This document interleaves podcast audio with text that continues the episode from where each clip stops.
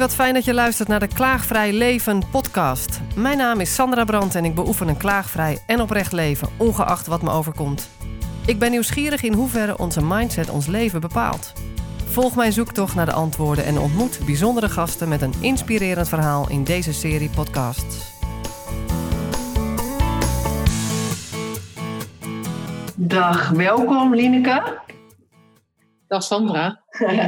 Lineke van de Grient, huisarts.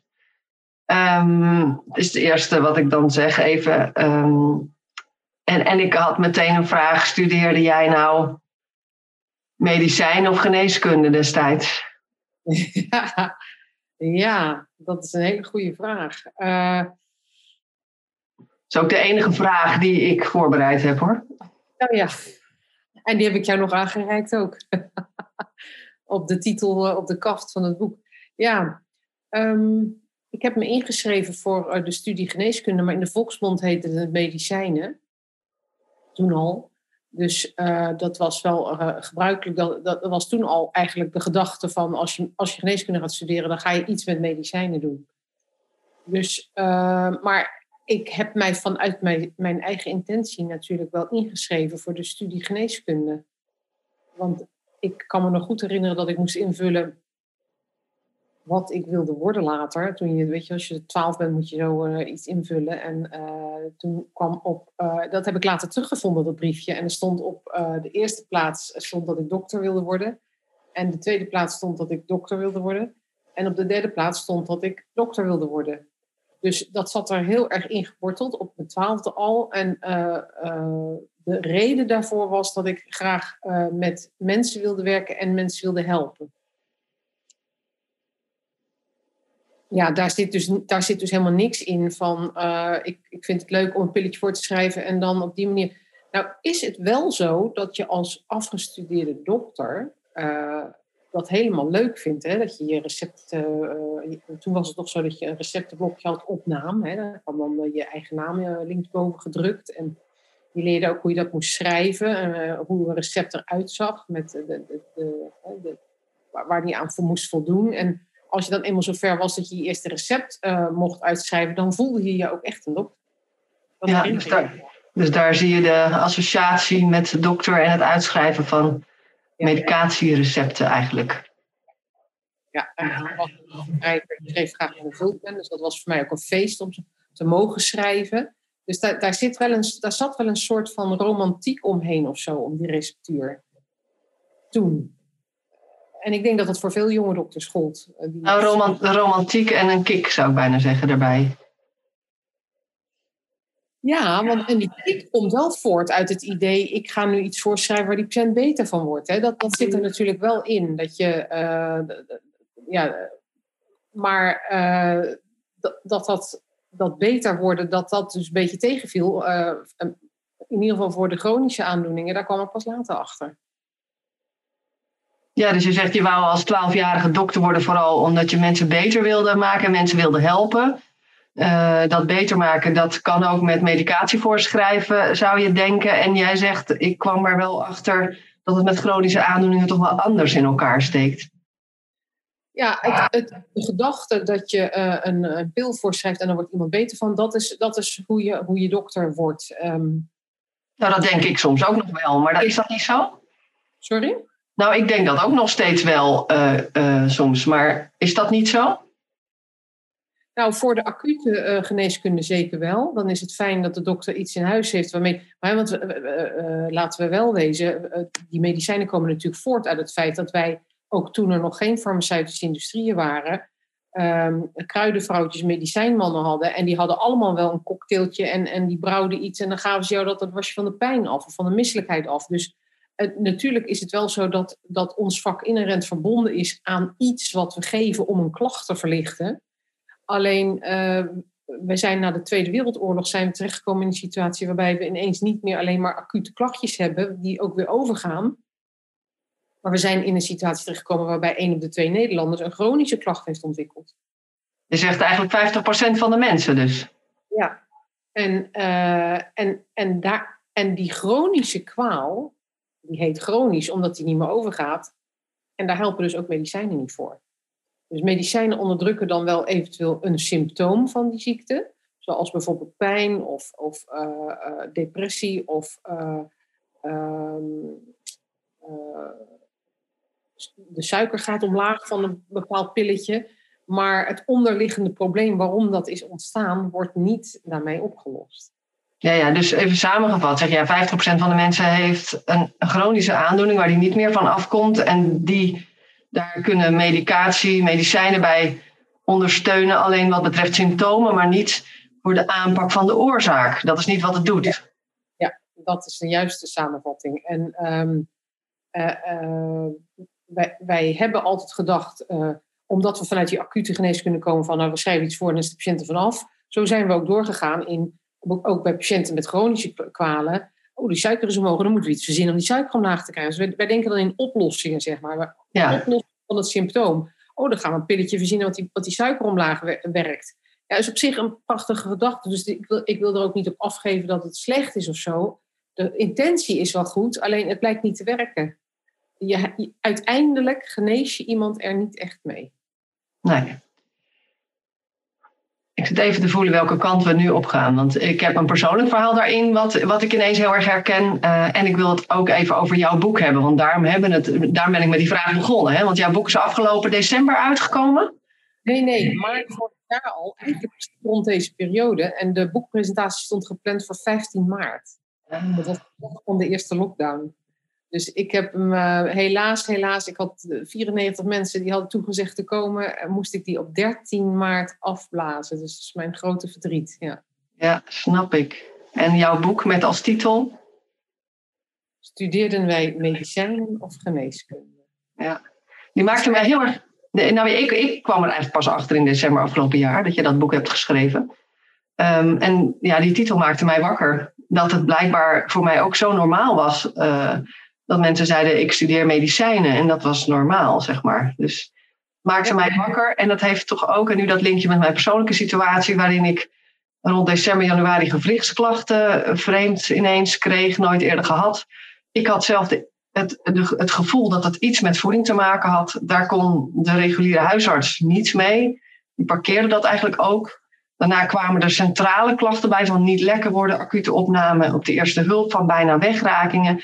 En eigenlijk niemand wist nou wat daar toch aan de hand was. En ik zag telkens een link met voeding. Want als ik echt alleen ging eten wat resoneerde op mijn lijf, dan ging het weer weg. En ja, je merkt, ik merk tenminste dat uh, de specialisten die geweest zijn, en ook weer op de poli uh, waar ik contact mee had, die weten het niet. En uh, die parkeren ook die voeding weer opzij, die ik wel ervaar. Ehm, ja, en zitten ook een beetje met handen in het haar en weten verder niet meer wat ze nu moeten. Dus daarin zie je wel een soort wil uh, bij de acute situatie om zo snel mogelijk iets te kunnen doen. Maar nu het eigenlijk niet duidelijk is wat daar nou toch is, dat is weer een beetje weggeëpt. Nou ja, daar, daar vind ik dan niet echt gehoor, merk ik. Terwijl als ik bijvoorbeeld naar de Chinese arts ben ik geweest, die regulier is opgeleid. Ja, die vertelde mij precies dat wat ik ervaar. Van dat ik meer de zachte kanten in mezelf mag omarmen, de vrouwelijke energie uh, veel meer dat zachte stemmetje wat fluistert naar mij. Ik ervaar dat is waar. En nu is nog de kunst om hem te pakken, of haar, dat stemmetje. En daar helemaal naar te leven. Dus ja, doen, wat, doen wat goed voelt. Doen wat. Ja, ja, ik zou je eigenlijk een wedervraag willen stellen. Want ik hoor je net zeggen: uh, ja, voeding die resoneert op mijn lichaam.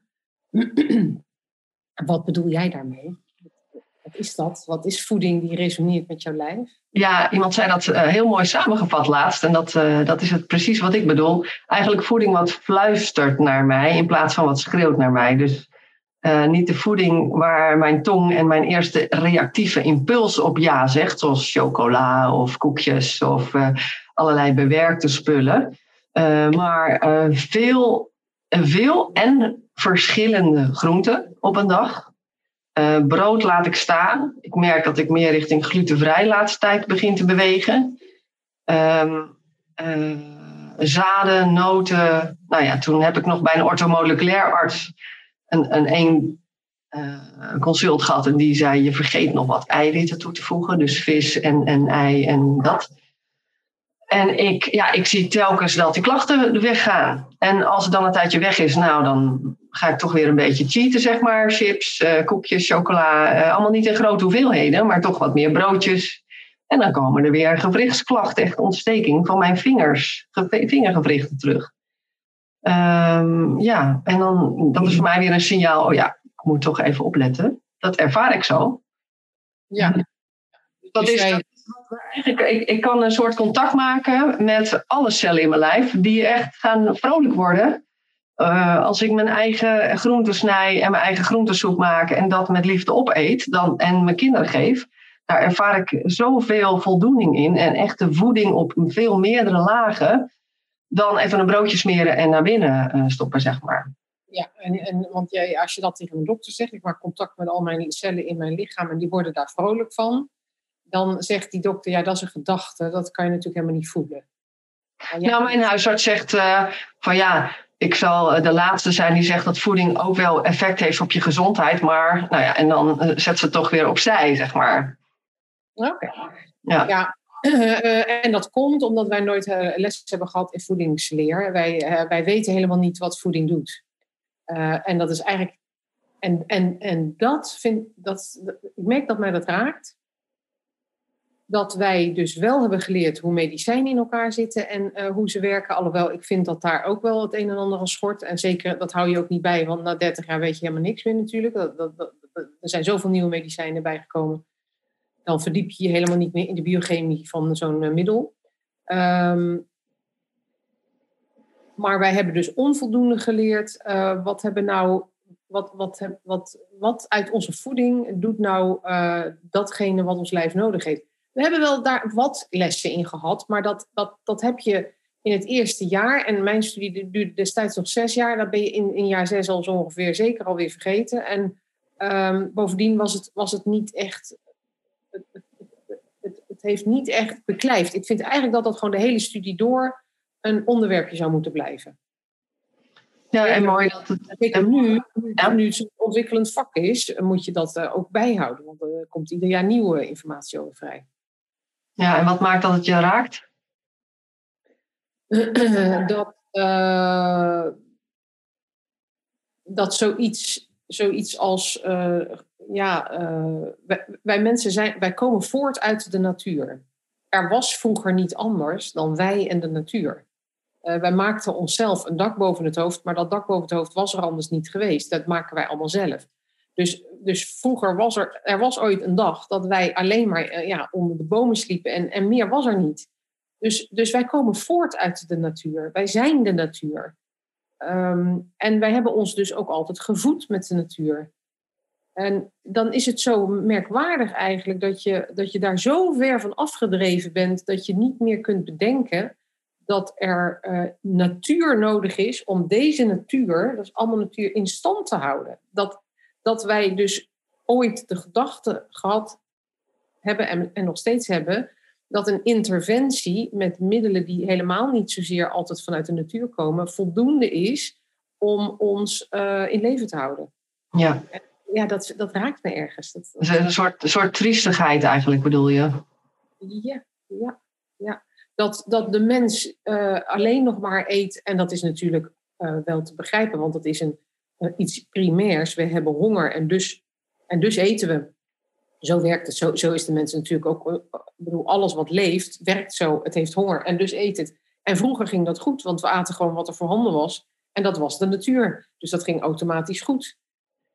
Maar nu is er zoveel meer voorhanden dan de natuur. En, en, uh, en ook nog eens ontzettend veel. We hebben een enorme welvaart. Dus wij eten nog steeds zoals vroeger. Nou, als je een hond iets voor de neus legt, dan eet hij het gewoon op omdat het voor zijn neus ligt. Zo werkt het bij ons ook. Wij eten dat wat voor onze neus ligt. Of dat nou gezond is of niet. Maar is het niet ook zo dat we ouder worden omdat onze voeding ook veranderd is in positieve zin of niet dan?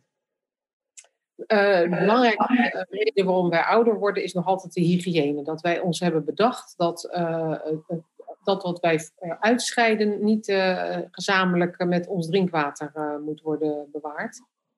Dus dat we de riolering in de straten hebben vervangen voor toiletten en dat we hebben geleerd onze handen te wassen. Dat heeft de grootste sprong voorwaarts gegeven in de mensheid. En natuurlijk de komst van penicilline, want infecties als bacteriële infecties, dat dat was echt wel een uh, enorme. Ja, een enorm gevaar. Daar ging je Ja. gewoon aan dood. Daar hadden we niet zoveel voor. En nu de kunst dat we niet doorslaan in het desinfecteren, waardoor ons immuunsysteem niet meer wordt uitgedaagd. Ja, precies. Ja. Ja. En je zegt sinds de Tweede Wereldoorlog zijn er chronische ziektes bij eh, gekomen. Is dat daarvoor, was dat daarvoor niet? Nee, dat is echt gekomen met. eh, met nee, voor de eh, Tweede Wereldoorlog was er geen, niet zo'n welvaart als nu. Hè. Dus de, de industriële revolutie hadden we toen nog niet echt gehad in, op, op voedingsgebied. Misschien op techniek wel al wat, maar nog niet op voedingsgebied. En ehm, eh, het roken is toen gekomen, hè, dat, dat iedereen ineens een sigaret eh, kreeg. Dus daar hebben we een enorme slag mee geslagen op het gebied van chronische aandoeningen. En nog steeds, want het roken is nog steeds de wereld niet uit. Eh, ja, en met dat mensen makkelijker en sneller geld gingen verdienen, werden we allemaal wat rijker. En werd het leven wat makkelijker. We kregen wasmachines, televisies, dus we hoefden ook niet meer te bewegen. En, ehm, en het eten werd steeds makkelijker. En dus de wereld is steeds sneller, sneller, sneller gegaan. En wij gaan ook steeds sneller eten daardoor. En, en vergeten dat we ons lichaam moeten voeden met dat Ja. wat het nodig heeft. Dat is Ja, ons dus- nooit geleerd. Nee, ze zijn meer richting vulling gegaan. Ja. Dus je hebt het over voeding, over, ehm, ja, ik hoor daar ook al stress in, ehm, beweging die achterblijft. En juist die welvaartsziektes die je ziet maken dat wij ook eh, bevattelijker worden weer. En ons immuunsysteem ook slechter wordt of we minder eh, weerstand hebben voor wat ons weer kan overkomen. Ehm, ja, En heeft een piek gehad voor wat betreft de gezondheid en schoonheid, denk ik, als we niet uitkijken. Alhoewel er nu een enorme beweging aan het ontstaan is, die gaat naar longevity, hè, naar lang leven, lang en gezond leven. Eh, we, we leven nu lang, maar niet gezond. Dus we leven wel tien jaar langer dan voorheen, maar wel ook, worden ook tien jaar eerder ziek. Dus al met al zijn we twintig jaar langer ziek. Eh, dat begint bij vrouwen ongeveer vanaf het 46ste jaar en bij eh, mannen eh, ietsje later. Ehm, eh, maar mannen worden weer iets minder, minder oud. Dus ja, al met al, als we 80, 90 worden, dan zijn we de helft van ons leven eigenlijk hebben we een chronische kwaal. Op zijn minst één chronische kwaal en, en misschien ook wel echt een chronische ziekte. Ja. En, en hoe zie jij dat in jouw praktijk? Hoe, hoe pak jij dat aan? Want ehm, dan heb je ook een visie op hoe het beter kan. ja, Ook jij als huisarts. Ja, dat is een, natuurlijk een enorme uitdaging, want ik ben nog altijd regulier huisarts en eh, eh, heb, heb ook te doen met de tijd die mij eh, gegeven is. Ik zie op het moment vier patiënten per uur. Dat heeft eigenlijk met de coronatijd te maken, zodat er niet te veel mensen in de wachtkamer tegelijk zitten. Maar dat geeft mij wel de gelegenheid om eh, de patiënt net iets wat meer tijd te geven eh, aan, op het gebied van informatie. Want ik denk dat het vooral daar zit. Ik denk dat vooral de huisartsen, als ze zelf meer snappen hoe het in elkaar zit, de patiënt ook kunnen uitleggen hoe het in elkaar zit. En ik merk dat dat heel veel indruk maakt. Patiënten eh, nemen dat eerder aan dan dat ze horen wat ze moeten gaan eten. En zo heeft het bij mij ook gewerkt. Toen ik meer informatie kreeg over eh, ja, waarom moet ik nou eigenlijk bewegen? Wat is, wat is het nou aan dat bewegen wat daar goed aan is? Ja, als ik snap hoe dat in elkaar zit, ben ik ook veel meer gemotiveerd. Want plotsklaps zie ik mijn energiefabriekjes als het ware vormen in al mijn cellen. Die schreeuwen om opgeruimd te worden en, en te mogen delen en te mogen eh, vermenigvuldigen en, en oud materiaal opruimen. Dat, dat, doen ze, dat doen ze pas goed als je een beetje krachttraining doet. Dus dat zie ik nu letterlijk voor me. Ik, vraag me opeens, ja, ik vraag me opeens af hoe zou het zijn als je juist in deze tijd ook huisartsen eh, een online eh, college gaan geven aan hun hele Ja. wijkgebied waar ze onderdeel van zijn. Nou, dat is ook echt. Toevallig leuk dat je dat noemt. Ik, er wordt natuurlijk, dat is helemaal hip, hè? nu vloggen en, en podcasts en zo wordt ontzettend veel mee gedaan. Maar ik heb wel ook gedacht, moet ik niet eens... want ik gaf lezingen in de buurt en dan krijg je zo'n eh, maximaal 70 mensen. Ehm, eh, maar via de, via de video kan je natuurlijk veel meer mensen bereiken. En, Ja. Superleuk. Ik heb, ik heb 3700 patiënten, dus ik Ja. zou ze allemaal wel uit willen leggen. Nou ja, dat is natuurlijk ook een van de redenen waarom ik dat boek geschreven heb. Hè? Ja. Ik Ja, dat is fijn, want daar kan je, je met zo'n college inderdaad bijna zou je het kunnen noemen, kan je, kan je het indelen in onderwerpen qua voeding en beweging en juist uitleggen wat jij zegt wat helpt, als mensen weten hoe het werkt en dat gaan ervaren. Tenminste, ik, ik heb ook van jou in het voorgesprek gehoord en ook gelezen elders, hoe goed het is om een aantal uren niet te eten en waarom dat goed is. Ehm, en ik merk als ik me daaraan hou, dat ik ook veel meer geniet van de voeding die ik dan tot me neem. Dus dat ik het niet even snel die soep verorber, maar ik heb er al heel veel aandacht aan besteed om hetzelfde snijden met aandacht te maken. En als het dan tijd voor mij voelt om te eten, uh, dan heb ik nou vroeg ontbijt half zeven tot half één smiddags niks meer gegeten. En dan ga ik daar echt voor zitten. Dan ga ik niet tussendoor met mijn telefoon of iets anders lezen. Of nee, dan ben ik echt met eten bezig. En dat ervaar ik zo vol. Ja, dat, dat werkt zo door op zoveel vlakken. Dat is heel, heel erg fijn. Ja, leuk is dat. Hè? Ik, ik, heb, ik heb precies dezelfde ervaring. Het is voor mij altijd weer een feest als ik mag eten. Als je mag eten ook. Dat klinkt wel heel ernstig. Nou ja, dat heeft natuurlijk te maken met mijn dagindeling. Ik noem het zo. Ik, ik mag van mezelf de hele dag door eten. Maar ik heb de afspraak met mezelf gemaakt dat ik drie keer per dag eet. En, uh, en dat werkt voor mij ook hartstikke goed. Want eh, ik heb tussendoor ook helemaal geen honger meer. Vroeger was ik zo iemand die had een banaantje in zijn tas, weet je, over de zekerheid. Als je honger krijgt. Dat heb ik helemaal niet meer. Ik ben van die cravings af. Ik ben van die hongerdips af. Nou, dat, bepaalt, dat, dat zegt natuurlijk ook iets over wat je dan eet in die drie keer. Want als je daar natuurlijk uh, uh, bijvoorbeeld de eiwitten vergeet, uh, dan heb je bijvoorbeeld s'avonds na het eten, voordat je gaat slapen, nog zin in een gebakken ei of iets anders wat je dan even snel in je mond stopt. Maar dat komt eigenlijk omdat je tekort hebt van iets van de dag die je hebt gehad natuurlijk. Ja, ja. ja dus de, de, maaltijd die je nuttigt, die moet verzadigd, verzadigend zijn. En hoe maak je een maaltijd verzadigend? Door er voldoende eiwitten in te stoppen, voldoende uh, gezonde vetten en voldoende vezels. En kun jij iets vertellen over die vezels? Want daar zit nogal verschillend in. Ja, je, je hebt twee soorten vezels. Je hebt de vezels uit het brood. Dat is uh, zeg maar niet oplosbare vezel. Die zorgt ervoor dat de stoelgang uh, uh, soepel blijft. En je hebt de wel oplosbare vezel, oftewel de wel fermenteerbare vezel. En dat is de vezel waarmee je de bacteriën in je darmen voedt. Dat is een heel interessant onderwerp. Mensen realiseren zich niet dat ze een fabriek aan bacteriën in de darmen hebben zitten van ongeveer anderhalf tot twee kilo. Zo zwaar is dat gewicht. En dat, zijn, dat is alles bij elkaar meer genetisch materiaal dan dat wij zelf hebben. Dus je kunt je afvragen wie, wie de gast is en wie de gastheer. zitten wij nou om de bacteriën heen? Of zitten de bacteriën in ons? Want de, die bacteriën die uh, blijken namelijk onze voeding voor te bereiden zodanig dat wij het kunnen opnemen. Uh, blijken bovendien stofjes te, te maken die onze darmen gezond houden. En uh, zorgen er bovendien voor dat er stofjes vrijkomen die energie leveren aan alles wat, wat, wat daar in die darmen nodig is.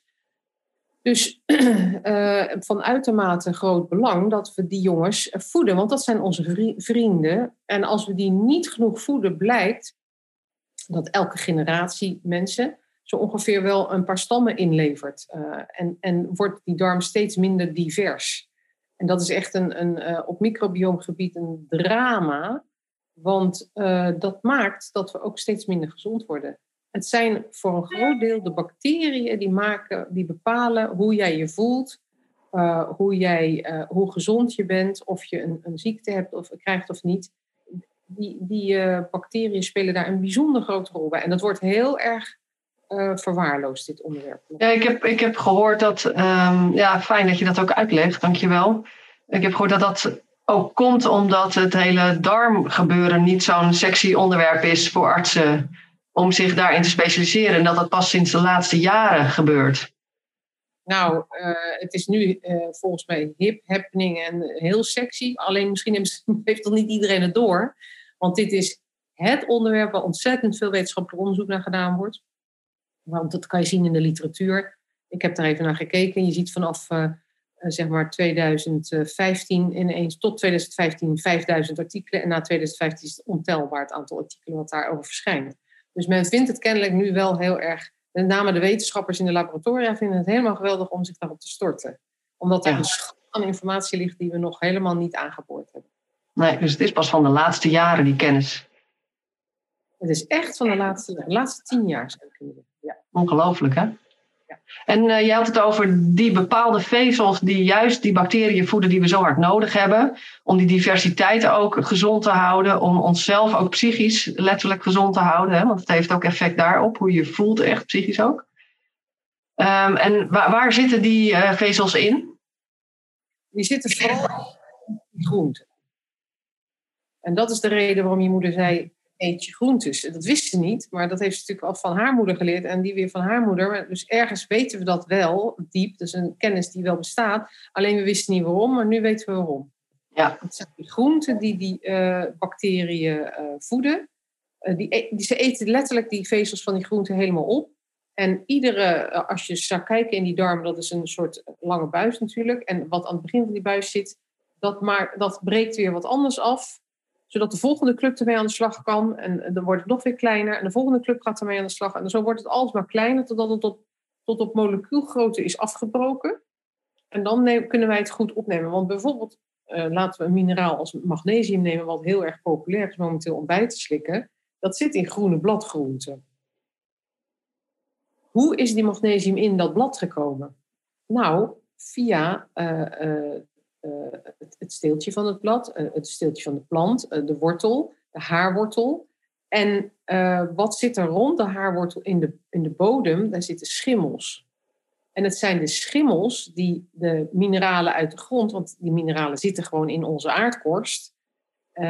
Maar die zijn, dat, dat zijn, dat, kijk maar naar zand en kiezel en gruis, dat is allemaal zo groot natuurlijk. Dus ook in de bodem bestaat een systeem dat het van boven naar beneden steeds kleiner wordt gemaakt. Zo klein dat die schimmels aan de beurt zijn om het tot op molecuulgrootte af te breken. En die schimmels zorgen ervoor dat die vervolgens die mineralen letterlijk als één molecuul door zo'n, door zo'n haarworteltje naar binnen wordt gezogen in de plant en omhoog wordt gebracht, helemaal naar dat blad toe, zodat wij dat weer kunnen eten. Maar, en, dat het weer, en dat het bij ons weer van boven naar beneden weer klein wordt gemaakt. Ook weer moet afgebroken worden, want wij kunnen niet dat hele blad in één keer opnemen. Ja. Nou, dat is toch een ingenieus systeem wat we met z'n allen verschrikkelijk lopen te verzieken als we daar niet ten volle van profiteren, vind ik. Ja, wat mooi zeg. Ja, wat fantastisch eigenlijk als je er zo naar kijkt. En, en dit is eigenlijk wat ik ervaar ook. Um, een goede vriendin van mij, een hele lieve vriendin die vorig jaar is overleden, Nelly zij was shamaan, 82 geworden, geloof ik. Uh, als ik bij haar at, dan uh, voelde ik me precies zo zoals laatst toen ik die zelfgemaakte groentesoep at. En ik weet dat is omdat zij met volledige aanwezigheid het helemaal. Ze zei: Ik ben leraar van het zijn. Nou, iedereen wou ook bij haar zijn. Ze was gewoon aanwezig, oordeelloos.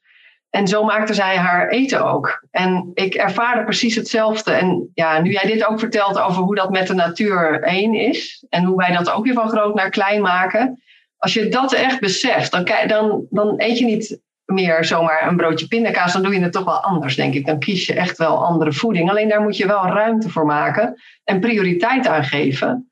Ja, en dat, ja. dat begint ook bij de verantwoordelijkheid nemen voor onze eigen gezondheid, denk ik. Wat denk jij? Ja, ja, op het moment dat je gaat zien dat je dat, je dat dat jouw lijf dat nodig heeft. En, de, en, en je merkt, bemerkt bij jezelf dat dat jou prikkelt. Dat je denkt, oh, ik, ik wil eigenlijk veel beter voor dat lijf zorgen dan dat ik tot nu toe gedaan heb. Net als dat je voor je eigen kind goed wil zorgen of je hond. Zo moet je ook voor je eigen lijf goed willen zorgen. En als je die prikkel niet hebt, dan, dan, dan wordt het niks. Maar als je die prikkel wel hebt en denkt van nou, ik ga, me, ik, ik ga daar echt. Dan is er vervolgens een knopje wat je moet omzetten en moet denken, ja, dan ga ik dus ruimte maken. Ja. Ik, ben huisarts, ik heb een ontzettend grote praktijk. Mijn eigen excuus was altijd, ja, maar huisartsen, uh, die hebben het zo druk, uh, daar, kunnen we niet aan beginnen. Dus ja, ik ben een uitzondering, weet je wel. Ik kan niet anders dan het druk hebben. Heel grappig eigenlijk. Totdat ik erachter kom, ja, maar wacht eens even, ik ben wel eigen baas en ik kan het precies zo indelen zoals ik het wil. En uh, ik moet dan maar gewoon hulp inschakelen en uh, wat meer mensen aannemen. Nou ja, dan verdien je wat minder. Nou ja, wat is belangrijker, geld of een, of een leuk leven? Uh, dus, dus daar zit dan wel, dus dat soort, dat soort gedachten komen daar dan bij. En vervolgens ga je dan kijken, oké, waar kan ik die ruimte dan maken zodanig dat het voor mij ook echt te doen is? Want niemand gaat s morgens vroeg staan bedenken oh ja, ik moet even snel nog iets gezonds in elkaar flansen voor de lunch. Dat doe je, dat, zo werkt dat niet. Dus dat doe ik op zondag. Op zondag denk ik na over wat ga ik maandag en dinsdag als lunch meenemen naar de praktijk. En datzelfde proces doe ik op woensdag weer. dat is mijn vrije dag. Dus ik, uh, ik, ik, heb, ik werk vier dagen en dan is de woensdag even een tussendag waarop ik naar de tandarts kan en zo. En kan nadenken over de volgende twee dagen. En dan ga je vervolgens op, op de, in de middag dat voorbereiden. En dan inderdaad, dat is bijna een medita meditatieve aan, aangelegenheid. Dat Ja. lekker zelf en een radiootje aan. En, eh, ik, wat mij wel echt geholpen heeft ook, is het aanschaffen van tools. Dat maakt het echt leuker in de keuken. Dat je gewoon een goed, een goed mes hebt en een, en een goed, goed, goede plank en, en, een, en een hakmachientje en eh, dat soort dingen. Dus, eh, en, en dat is natuurlijk ook een proces van drie jaar. Iedere keer koop je er iets bij waarvan je denkt, oh ja, dat is ook wel handig. En dan wordt het op de- gewoon steeds, meer, steeds leuker in die keuken. Nou, en wat het voor mij ook al doet, en dat hoorde ik in het voorgesprek met jou, volgens mij geldt het voor jou ook. Waar haal je dat wat je wilt gaan nuttigen? Ja, ik ga twee keer week naar de, naar de winkel. Eh, dat doe ik op zaterdag en op woensdag, eh dat die vrije woensdag is. En dat is een, een biologische groenteboer. En dat is dus voor mij ook al een feestje tegenwoordig. Want ik fiets vanuit mijn eh, huis naar die groenteboer toe. Dat is 10, 15 minuten fietsen hooguit. Met twee eh, grote eh, fietstassen achterop. En dan, ik, ik kom één keer in de maand nog in de supermarkt. Een supermarkt is niet een, is niet een winkel waar je je beste voedsel altijd haalt. Het hangt een beetje af van welke supermarkt ook wel. En ze doen wel heel erg hun best. Ik wil ze absoluut niet wegzetten. Maar ik, ik vind het fijn om in een klein winkeltje waar, waar de, waarvan ik weet dat de boer de best heeft, of de groenteboer de best, zijn best heeft gedaan. In dit geval is het een vrouw. Om de groenten van dichtbij te halen, van lokale eh, telers. En dan ook nog biologisch. Dat vind ik zelf fijn. Nou, zij blijkt dus ook in de vriezer dingen te hebben liggen die ze vanuit wel een eh, biologische supermarkt laat komen op het gebied van vlees. Dus dan kan ik dat soort dingen ook daar halen. Eh, en dan heeft ze ook nog wat zuivel staan in de koelkast. Dus eigenlijk ben ik daar twee keer in de week ben ik klaar bij deze groenteboer. Maar daar kies je dus al bewust de plek waar je heen wil gaan. En waar het jou ook voedend is om met die vrouw even in gesprek te zijn en, eh, en daar te zijn. En daar begint het feestje al. Ja, precies. Want dat is namelijk een, een eh, dat wordt bijna een soort vriendin van je, omdat je altijd even doorneemt wat er nou ook weer speelt. En, en ehm, eh, het, het praatje eh, is daar zo dat dus deze dame neemt daar ook de aandacht voor. Hè, die, die, bij de supermarkt zitten anonieme eh, kassières. En het is heel bijzonder als ze terug gedag zeggen, vind ik. Eh, maar echt een praatje komt er niet van. En ehm, en deze dame neemt voor jou de tijd, ook als er twee mensen in de rij staan bij de kast staan te wachten. En het leuke is, de mensen die staan te wachten, vinden dat helemaal niet erg. Want dit, dit soort winkeltjes trekken een bepaald publiek aan, Ja. dat heel anders in het leven staat. Dat sowieso meer tijd voor zichzelf neemt. En die dat ook nog leuk vinden, zo'n gesprek. Soms doen ze eraan mee en dan wordt het een gesprek met z'n vieren. Uh, dus, dus het is, uh, ja, het heeft iets heel gemoedelijks, sfeervol, uh, traag. Ik zeg altijd, het is net alsof de tijd daar een beetje stilstaat. Ja, en dat hebben we zo hard nodig, hè, deze snelle tijd. Ja.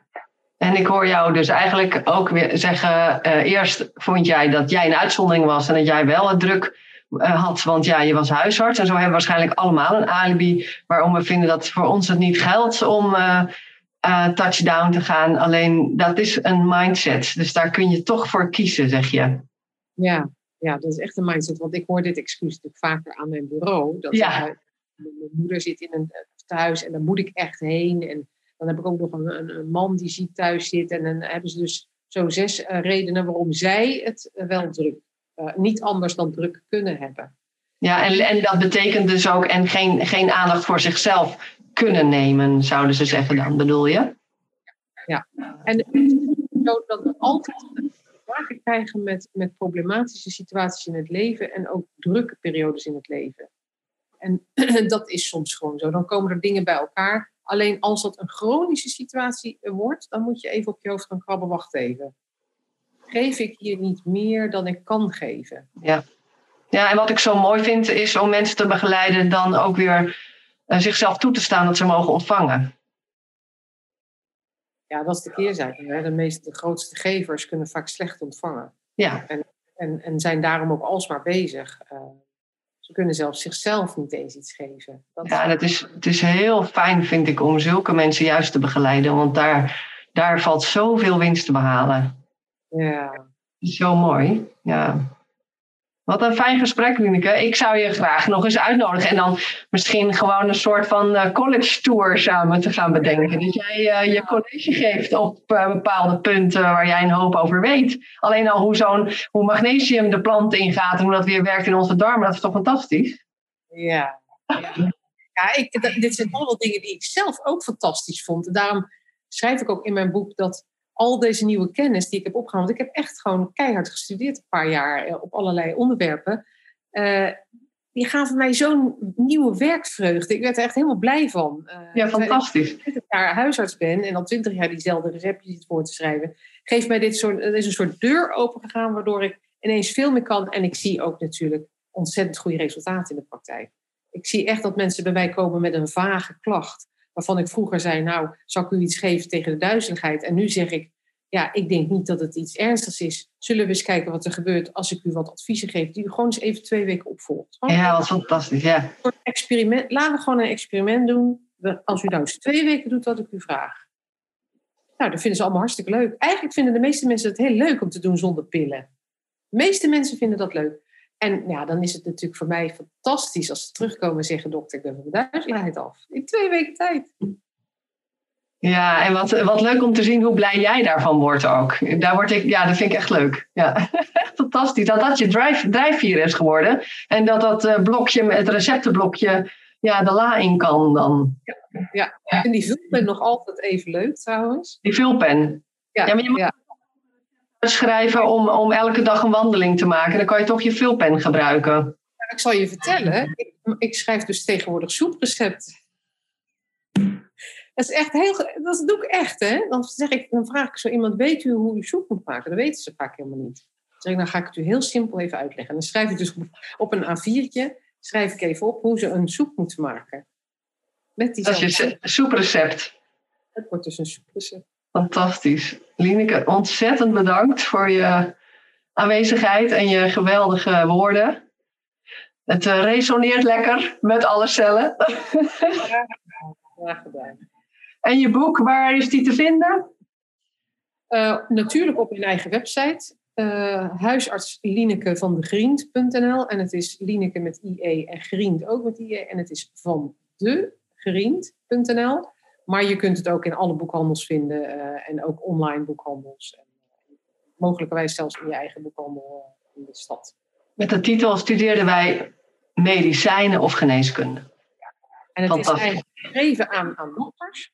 Maar ik heb begrepen dat leken het ook kunnen lezen. Want ik heb geprobeerd echt Jip en Janneke taal te gebruiken. En het leest, het leest vlot, zeg maar. Maar er staan wat technische termen in die misschien niet helemaal te begrijpen zijn. Maar dat geeft niet. Je hoeft als leek als je 60% begrijpt, dan, dan heb je het ook door. Dus je kunt er ook twee kopen en één aan je huisarts doneren. Dat zou ik zeker doen. Ja. Super. Dankjewel, Lineke. Graag gedaan, Sol.